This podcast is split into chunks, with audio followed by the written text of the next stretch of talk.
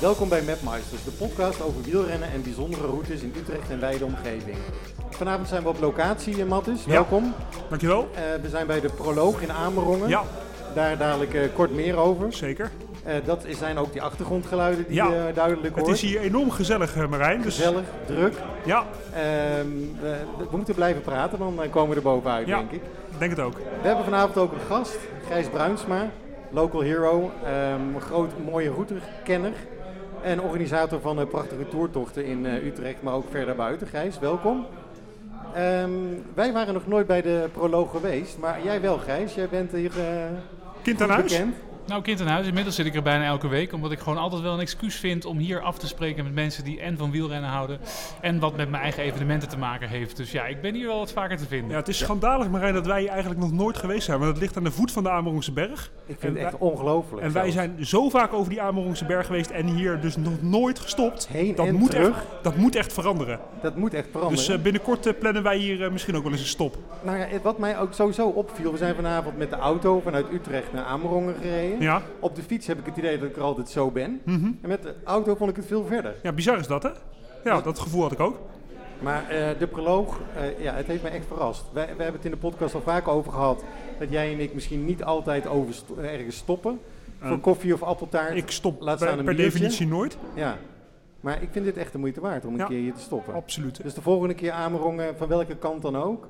Ja, even stoppen bij of rechtsaf. Even Ja, je stoppen bij de eigenlijk van de klassieke kant pakken. Want ook hier in Nederland hebben we klassieke kanten van beklimmingen. Ja, wat maar de noordkant van de kant? Amerongse berg, dus die is befaamd. Daar gaan ook de meeste mensen overheen. De steile kant. De steile kant, precies. Daar ga je al eh, alsof je aan de andere kant niks hebt. Dat is een beetje raar natuurlijk. Ja. Maar het is een steile kant. En dan kom je hier gewoon uit. Ja, En dan stop je. En dan ga je of op het terras zitten bij mooi weer. Of lekker binnen waar het warm is.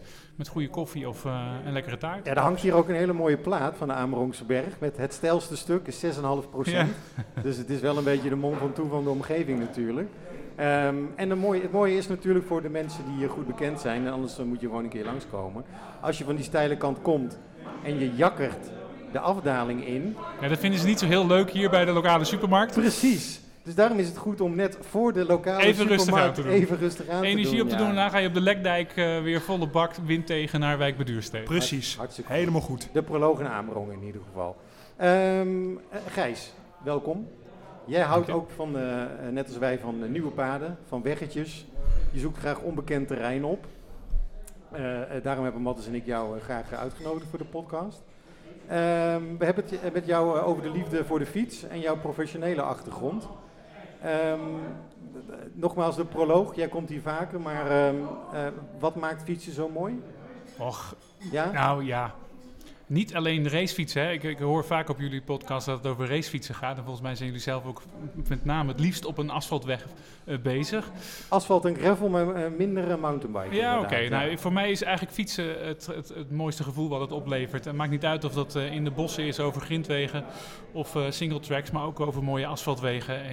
Ik vind het fietsen gewoon fantastisch om te doen. Ik heb ook best wel lang erover gedaan voordat ik een, een- eindelijk een racefiets had. Iedereen denkt dat ik altijd elke dag op de racefiets zit, maar ik ben pas vrij laat begonnen met echt racefietsen.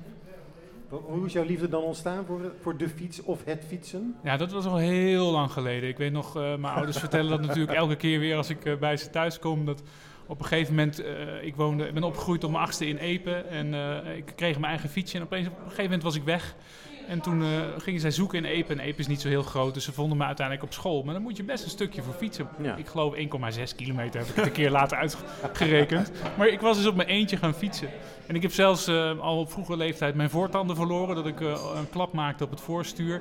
Maar ook dat heeft me niet weerhouden om het fietsen door te zetten. Maar de, de omgeving van Epe is natuurlijk fantastisch om te fietsen. Ja, maar daar weet ik eigenlijk maar heel weinig meer van. Ik ben Oké. er laatst nog wel een keer geweest. Toen gingen we een soort reunie houden waar ik ben opgegroeid op mijn achtste.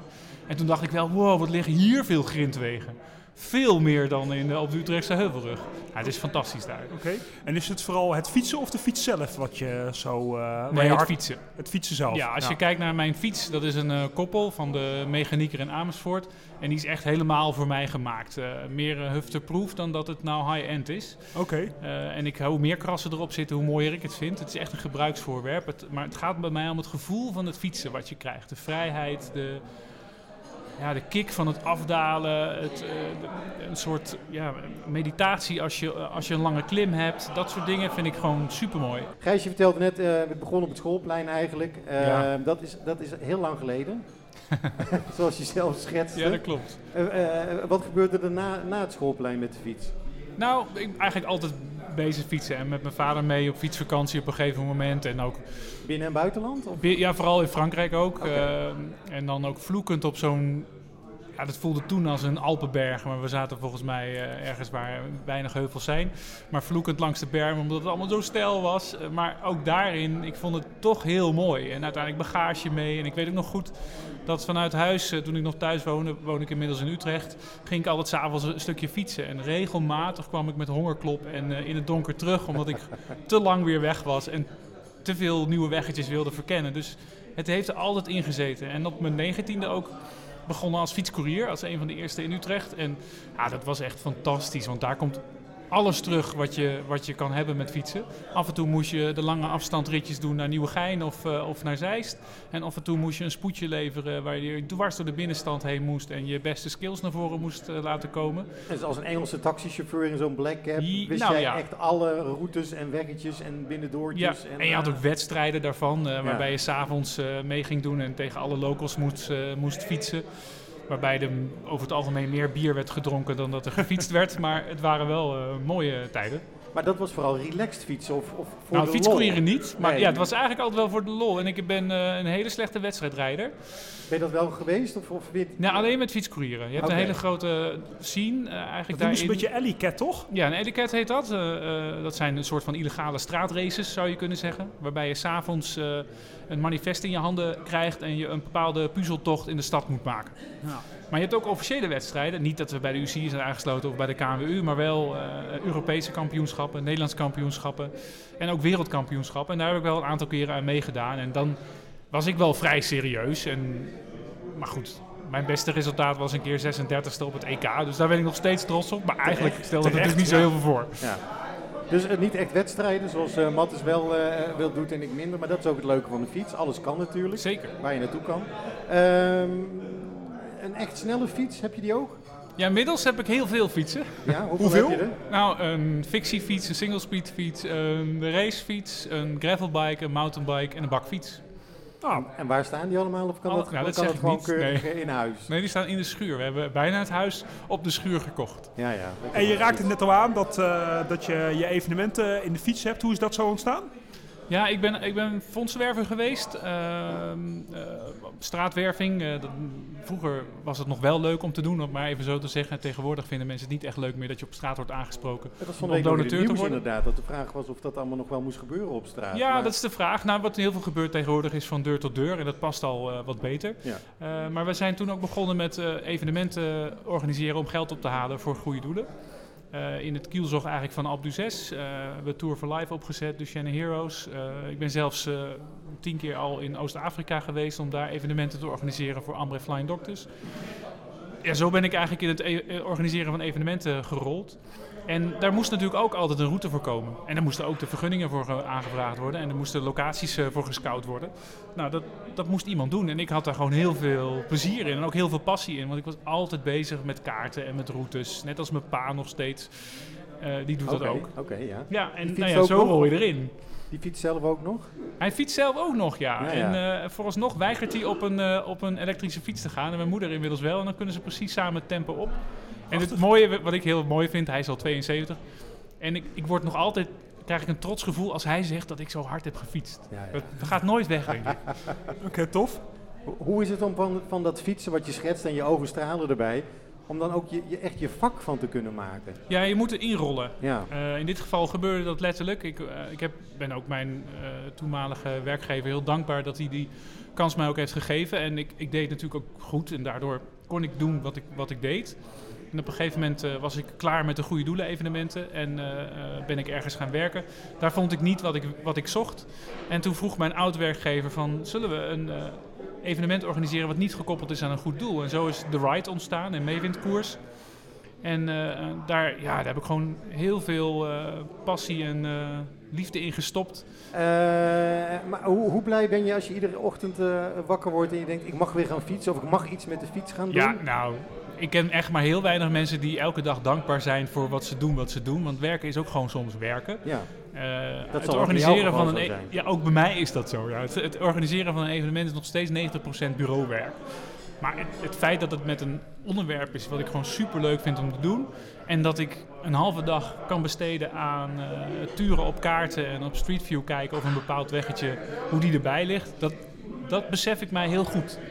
Dat dat Hoe, hoe Kan. doe je dat, een route maken? Of dat nou voor jezelf is of, of voor een tocht? Nou ja, dat, dat kan ik ook aan jullie. Hoe, als je een mooie route wil maken, waar ben je dan mee bezig? Waar denk je dan als eerste aan?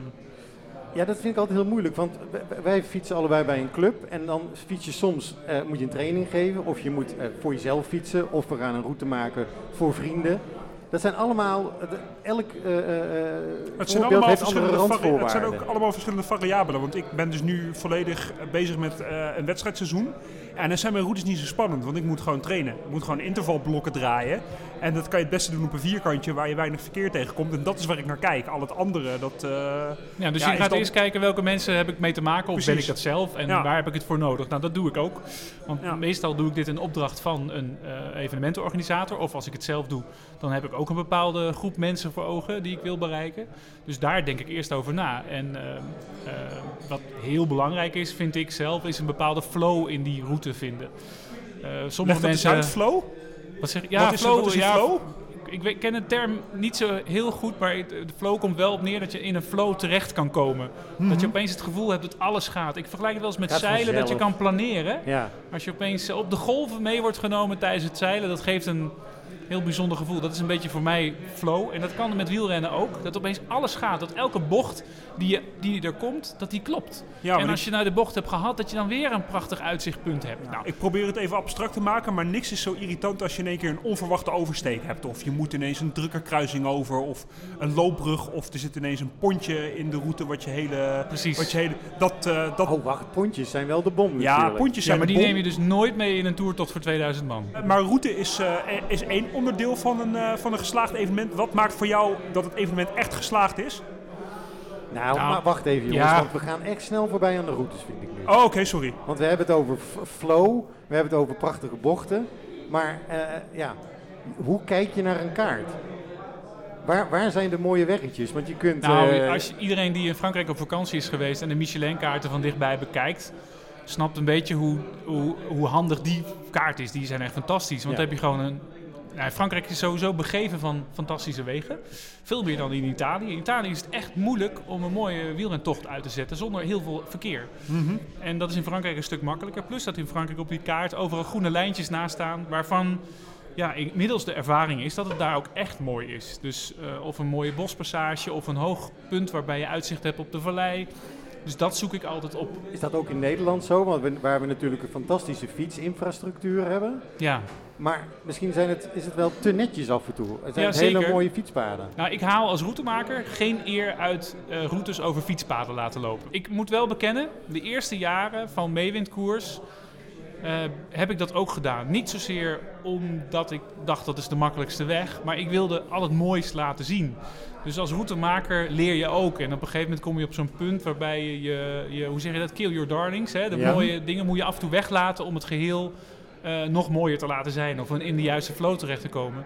Nee, wij zijn deze podcast natuurlijk ook ooit begonnen om juist eh, je eigen omgeving beter te leren kennen. Om net wat meer moeite te doen met mooie routes. Maar dat geldt zeker voor toertochten, ja. Ja, absoluut. En ik snap ook heus wel dat als een toertocht een paar duizend deelnemers heeft, dat je niet over de allerkleinste paardjes heen kunt eh, leiden.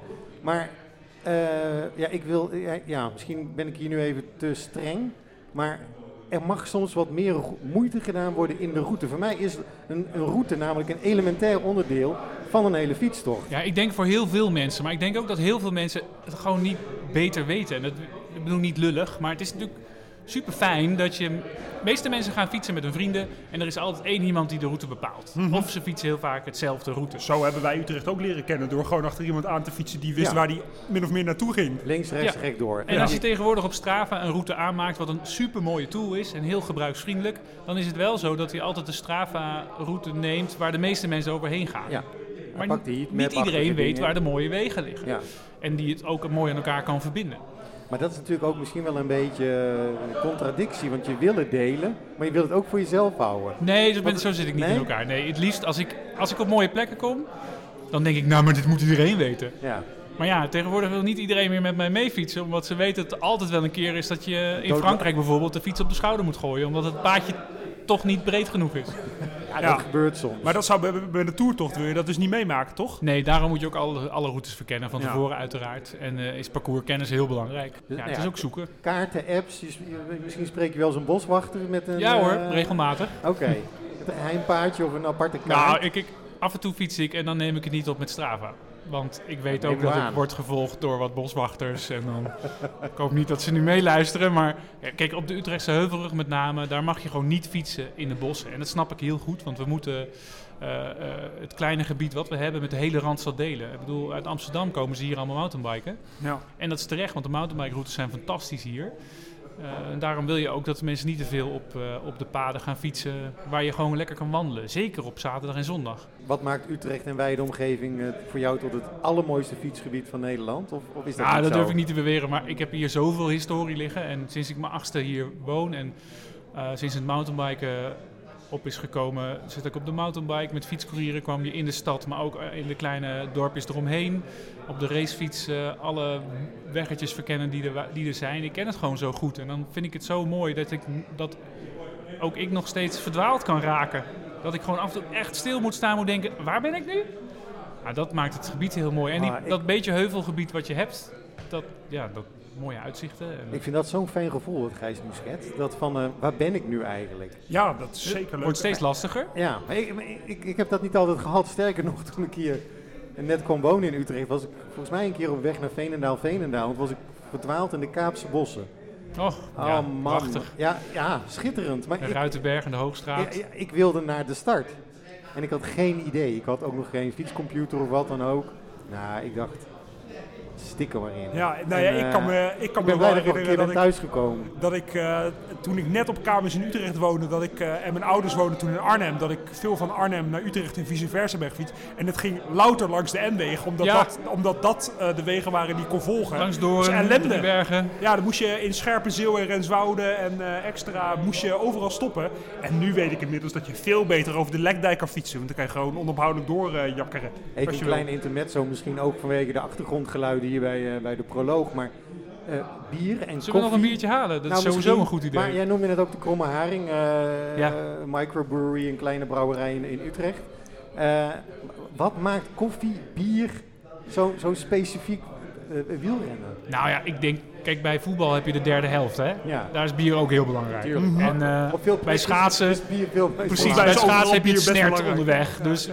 maar het valt wel op dat er heel veel te doen is rondom koffie. Ja. En rondom bier Ja. en wielrennen. En ik denk ook wel dat het te maken heeft met dat wielrenners over het algemeen kwaliteit hoog hebben aangeschreven. Doordat je materiaal belangrijk is, hoe je eruit ziet belangrijk is.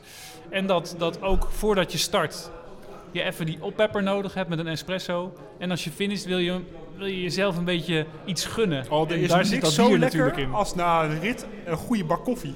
Eh, jaren geleden was het bij muziekfestivals zo dat je heel blij was als je ja, alleen maar bier had en een eh, vette hamburger of zo. Maar die, eh, die zijn, hebben zich echt ontwikkeld tot, tot meer Ja, met belevenis-evenementen. foodtrucks en, eh, Precies. en allerlei. En heel de wereld komt daar bij elkaar qua. Juist. Dus je, en, en je hebt, eh, eh, weet ik veel, eh, betere eh, sanitaire voorzieningen, je hebt beter eten, je hebt beter drinken. Nou, De- je noemt echt precies de dingen op die ik graag in wielrennen Nou, dat, terug dat wil is dus komen. mijn vraag van eh, wat is de ontwikkeling bij eh, eh, eh, wielertochten, toertochten of hoe je het ook wil noemen, op dat vlak?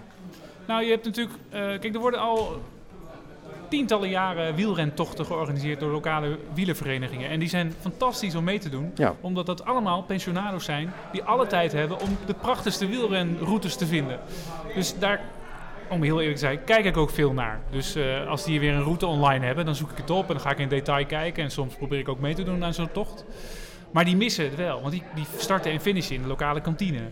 En dat heeft wel zijn charme, maar dat vind ik dan vooral leuk als het eh, ergens diep in België is. En dat is natuurlijk log- logisch, want die starten vanuit een club. Precies. En, en je betaalt 3, 4, Vijf, 5 zes euro om, ja. mee- om mee te Als je doen. lid bent van de, van de club nog minder. Ja, en dat gaat in de, in de kas van de club. Eh, maar dat is verder niet echt een evenement. Nee, en dat, dat, nou ja, dat is precies wat ik probeer toe te voegen aan zo'n even. Ik vind locatie heel belangrijk, daarom ben ik zo gecharmeerd van de proloog hier. Maar ook buiten in de kuil, waar we waar de Streets Have No Name organiseren. Dat is zo'n fantastische plek. Met De kuil is in een lage vuurs, in lage niet? vuurs, Ja. ja. Waar ook een mountainbike route ligt. Eh, kampvuren kan ik daar openen. Daar hebben we eh, gewoon een professionele kok die de burgers bakt. Op een vuur. Met, met goede bruine boterhammen en Vlaamse friet erbij. Met goede mayo. En niet zo'n diepvries burgertje op een klef wit broodje. Ja, dat vind ik dus vers- het verschil maken. En dat, som, dat maakt wel dit soort evenementen duurder om aan mee te doen. Ook omdat ik geen vrijwilliger ben, maar dit als professional probeer te doen. Maar dat maakt wel een evenement eh, het meer waard, denk ik, om überhaupt mee te doen. Je krijgt gewoon veel meer ja, waar voor je geld, om het maar even zo te zeggen. Maar al die elementen, dus en een gave route en goede sfeer voor en na en tijdens, de, tijdens, nou, tijdens het evenement eigenlijk, dat zoek jij in eigenlijk al jouw... eh, Ja, dat probeer ik eh, wel. En dan probeer ik ook eh, wel met het thema te doen. Ik organiseer in april hier een evenement vanuit de proloog, Backroads genaamd. En dat is een ode aan de voorjaarsklassiekers. En ik ga daar dikke Vlaamse friet doen en zuurvlees. Kijk, zoals het hoort. En daar horen natuurlijk ook wegen bij. Want Ja. die wegen moeten denk ik voldoen aan, aan het idee van een voorjaarsklassieker. Ja, dat klopt. Nou, waar denk je dan aan, Matthijs? Nou, ik denk bijvoorbeeld aan de, eh, volgens mij heet het de Tuurdijk. Die loopt eh, eigenlijk van eh Koten tot aan het Gooi, als ik het goed heb. ja, zo ongeveer denk ik, ja. Dan rij je over betonplaten, zoals je die kent van de Macadamwegen in België, langs zo'n watertoren. Maar, maar Gijs, plug even schaamteloos verder. Wanneer is dit? Waar moeten mensen, zich, waar moeten mensen zich voor Ja, je nodigt me aanmelden? uit als even- Terecht, terecht, ja. Nee, het is zaterdag 13 april. ja. Super goed getimed, want Veenendaal, Veenendaal is dan ook. Kijk. Ah ja, top. Maar goed, dat is een ander soort eh, eh, evenement. Ik denk ook dat er andere mensen naartoe komen. Want dit evenement, je moet wel een liefde hebben voor een Parijs-Roubaix. Als je een keer Parijs-Roubaix hebt gefietst en je komt over de finish, dan denk je, wat een hel. Nooit meer. En een week later denk je, ik wil weer. Zonder dat we te veel over Utrecht willen hebben. Maar Ja. eh, schets eens even wat voor wegen dat dan zijn. Hoe, hoe zien die eruit?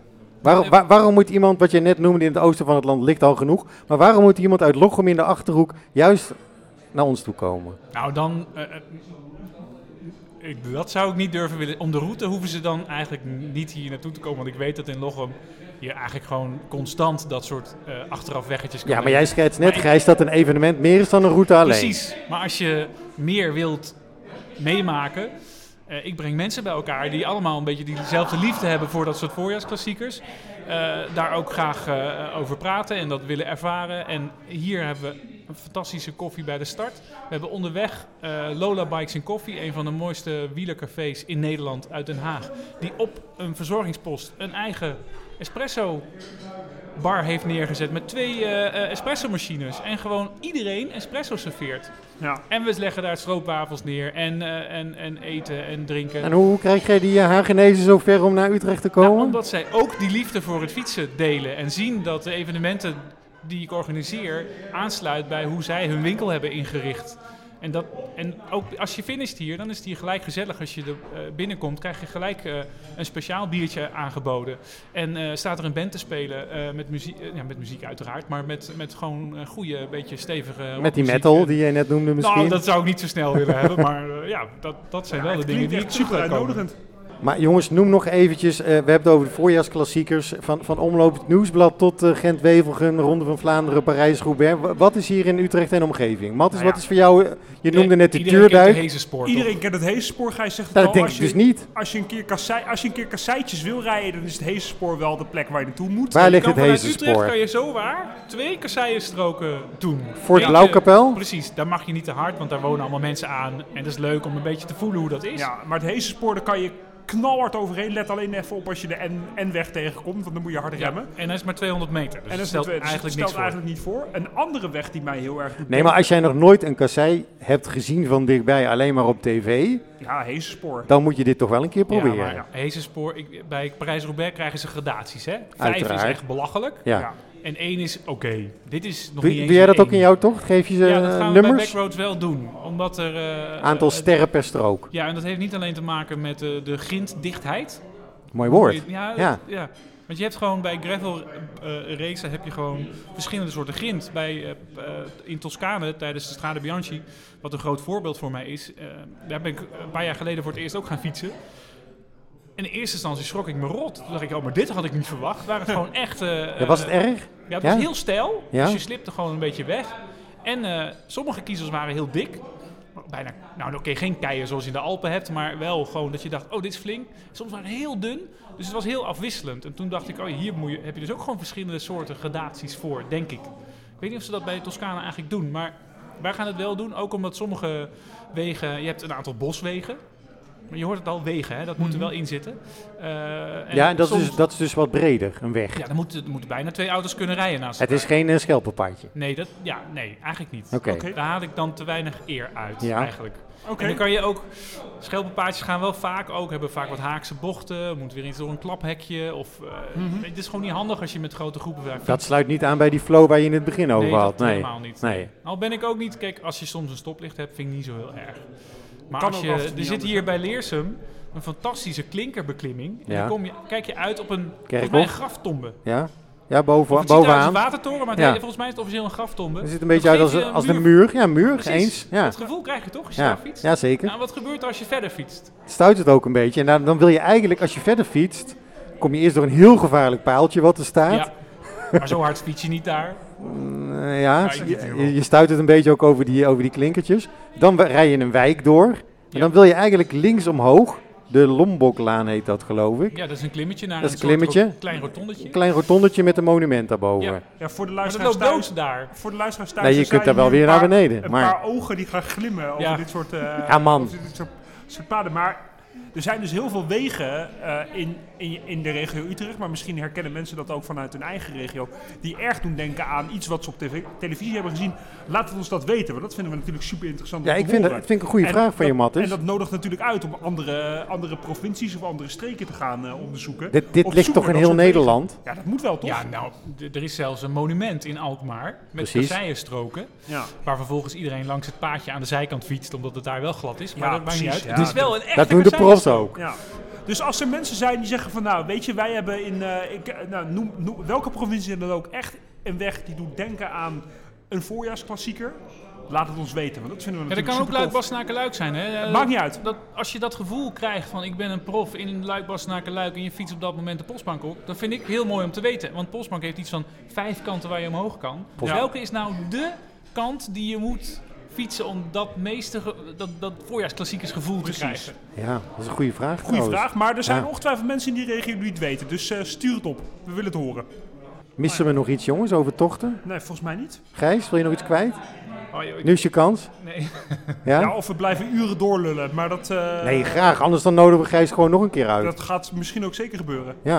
Want volgens mij zijn er nog genoeg plannen.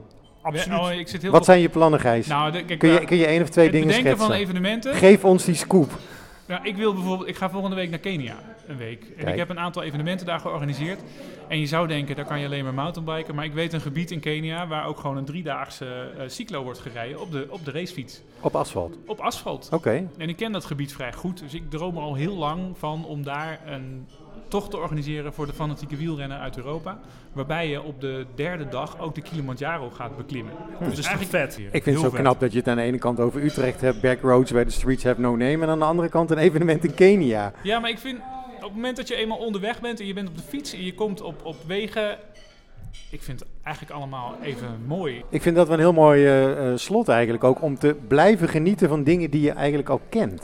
Eens. Ja, dat valt niet altijd mee. Om je te blijven verwonderen over iets waar je al vaak geweest bent. Ik heb het bijvoorbeeld vaak op de Lekdijk. Ja, prachtig. Ben ik er even een paar weken niet, kom je er weer een keer. En dan dat, die, die, dat wijdse eh, uitzicht, vind ik prachtig. Ja. Tot slot nog even, vragenvuurtje een keer we- weer. Zullen we doen, is lang geleden eigenlijk. Tijd geleden Ja. inderdaad, ja. Vijf korte vragen, Gijs. Je moet kiezen. Je Ja. moet kiezen. Je mag, het, mag je het daarna nuanceren of niet? Nee, eigenlijk liever niet, Eigenlijk hè? Nee, liever doe maar niet, maar, ik eh, eh, kies wel. Oké, bij een van je eigen evenementen. Een moddervette route tijdens de tocht. Of een super tof feestje na afloop. Bij mijn, mijn eigen Ja, evenement. je eigen evenement. Super vet feestje na afloop. Je moet kiezen piepende schijfremmen of een piepende ketting. Oh. Schijfremmen mogen wel piepen. Schijfremmen mogen bij mij ook piepen, want ik Ja. rem minder dan dat ik trap. Ja, ik ben het ermee eens. Schijfremmen. Bij slecht weer, eh Gijs Mattis. eh, bij sneeuw en regen die we de afgelopen beetje eh, tijd hebben gehad, die zooi. Wel of geen spatborden op je fiets? Ja, wel spatborden. Ik vind het echt zo'n onzin om je daar druk om te maken. Maar voor jezelf of voor de mensen die mee fietsen? Of maakt dat gewoon helemaal niet uit? Kom fiets blijft gewoon... Al kom je op je stadsfietsen toch meedoen. Ik vind het fantastisch als je erbij bent. Ja, dat is echt hoor. Ik, eh, heus wel. Ik let heel erg op wat voor mooie fiets ik heb. En ik vind het mooi dat de samenstelling van zo'n fiets er gaaf uitziet. En de kleurstelling natuurlijk ook. Maar uiteindelijk gaat het om het fietsen. En als het, als het, als het regent, doe ik er gewoon een spatbord op. Want anders ben ik gek. Want dan zit ik alleen maar met nattigheid in mijn reet. Ja, Wat ik is? vind het ook super lastig. Maar ik ga toch uiteindelijk ook voor Gezien jouw witte sokken. Ja, ik ga ook voor spatborden. Ik heb, ik heb jou volgens mij nog nooit met spatborden Hij gezien. Nee. fietst nooit als het regent. Dat precies. En dat Ik- is het verschil. Ik zag laatst een keer een airsaver op jouw fiets. Toen dacht ik al, wat, wat is er aan de hand? Ja, dat Maar vind de ik al mooiste voorjaarsklassiekers zijn toch als het in heel weer. extreme wat Ja. omstandigheden zijn. Ja, dat Of super droog als bij parijs Nee, ik kies dan wel toch een beetje misschien sneller voor comfort. Dat ik toch wel misschien een S7'tje of een spatbordje monteer. Met Mannen, we hadden laatst wat eh, sneeuw buiten. Ga je dan buiten in de sneeuw fietsen of ga je dan eh, binnen even taxen? Ik vind persoonlijk in de sneeuw fietsen echt hilarisch leuk. Dus ik ga naar buiten. Als Op wat voor fiets dan? Op mijn crosser, op mijn, eh op mijn, eh op mijn veldrijfiets. Met eh, wat bredere banden, wat meer profiel. Eh, en dan is snelheid dan ineens niet meer belangrijk. Of een trainingsdoel gaat dan ook de deur uit, maar dan ga ik gewoon lol hebben. Want je lijf is alleen maar bezig om warm te blijven. En volgens mij moet je maar- dat niet langer dan anderhalf uur doen. Precies. Maar jij gaat naar buiten, Gijs, of Ja, niet? ik, eh, in, de, in de schuur. Ik ga liever drie maanden eh, thuis zitten en niks doen. Dan dat ik op de tax moet. Ja, Of ja. Hoe noem je Eens. dat? Op de, Ik haat ik tax heb een roller passie. thuis, maar ik doe het eigenlijk nooit. Ik denk elke keer, ik ga het misschien deze winter doen, maar ja, nee. Toch niks zo mooi om in verse sneeuw te fietsen. Ja, ik vind het Ja, echt dat is heel mooi. Ja, Bijna alsof je gaat poederrijden met wintersport. absoluut inderdaad. En. Daarna wordt het al gauw het glad, vind ik. Tot slot, indachtig ook de voorjaarsklassiekers en, en backroads eh, die je net noemde. Een vlakke kasseienstrook of een uitdagende klinkerklim? Nee, de kasseistrook vind, ik- vind ik bij far het mooiste wat er is. Eens, ja, vlakke kasseistroken. Ja, ik, ik- Dus jij rijdt liever Parijs-Roubaix dan eh Ronde van Vlaanderen? Ja, dat vind ik dus wel lastig, want ik vind, eh, eh, als je puur kijkt naar de profkoers, vind ik Ronde van Vlaanderen een leukere koers. Echt? Ja, heel gek. Maar als ik voor mezelf mag kiezen, dan een vlakke kasseistrook. Ja, ik vind die uitdagende klinkerklim echt geweldig. Gijs noemde hem al bij Leersum daar. Ik word er iedere keer zo blij van als ik daar ben. Ja, of de Valtserweg in Soesterberg. Ja, Die die vind is ook nog meer heerlijk. eigenlijk. Die is namelijk zo onverwachts. Ja, Sla je ineens rechtsaf en er, opeens is hij er. En als de andere mensen dat niet weten, kan jij al weg. Nou ja, goed. Daar haal ik dan mijn eervolle momenten uit als ik een keertje met anderen fiets. Gijs, bedankt voor je komst. Succes en plezier met je mooie evenementen. Mattis, bedankt ook weer. Heren, Helaas. dankjewel. Tot de volgende podcast. Dankjewel. Hoi.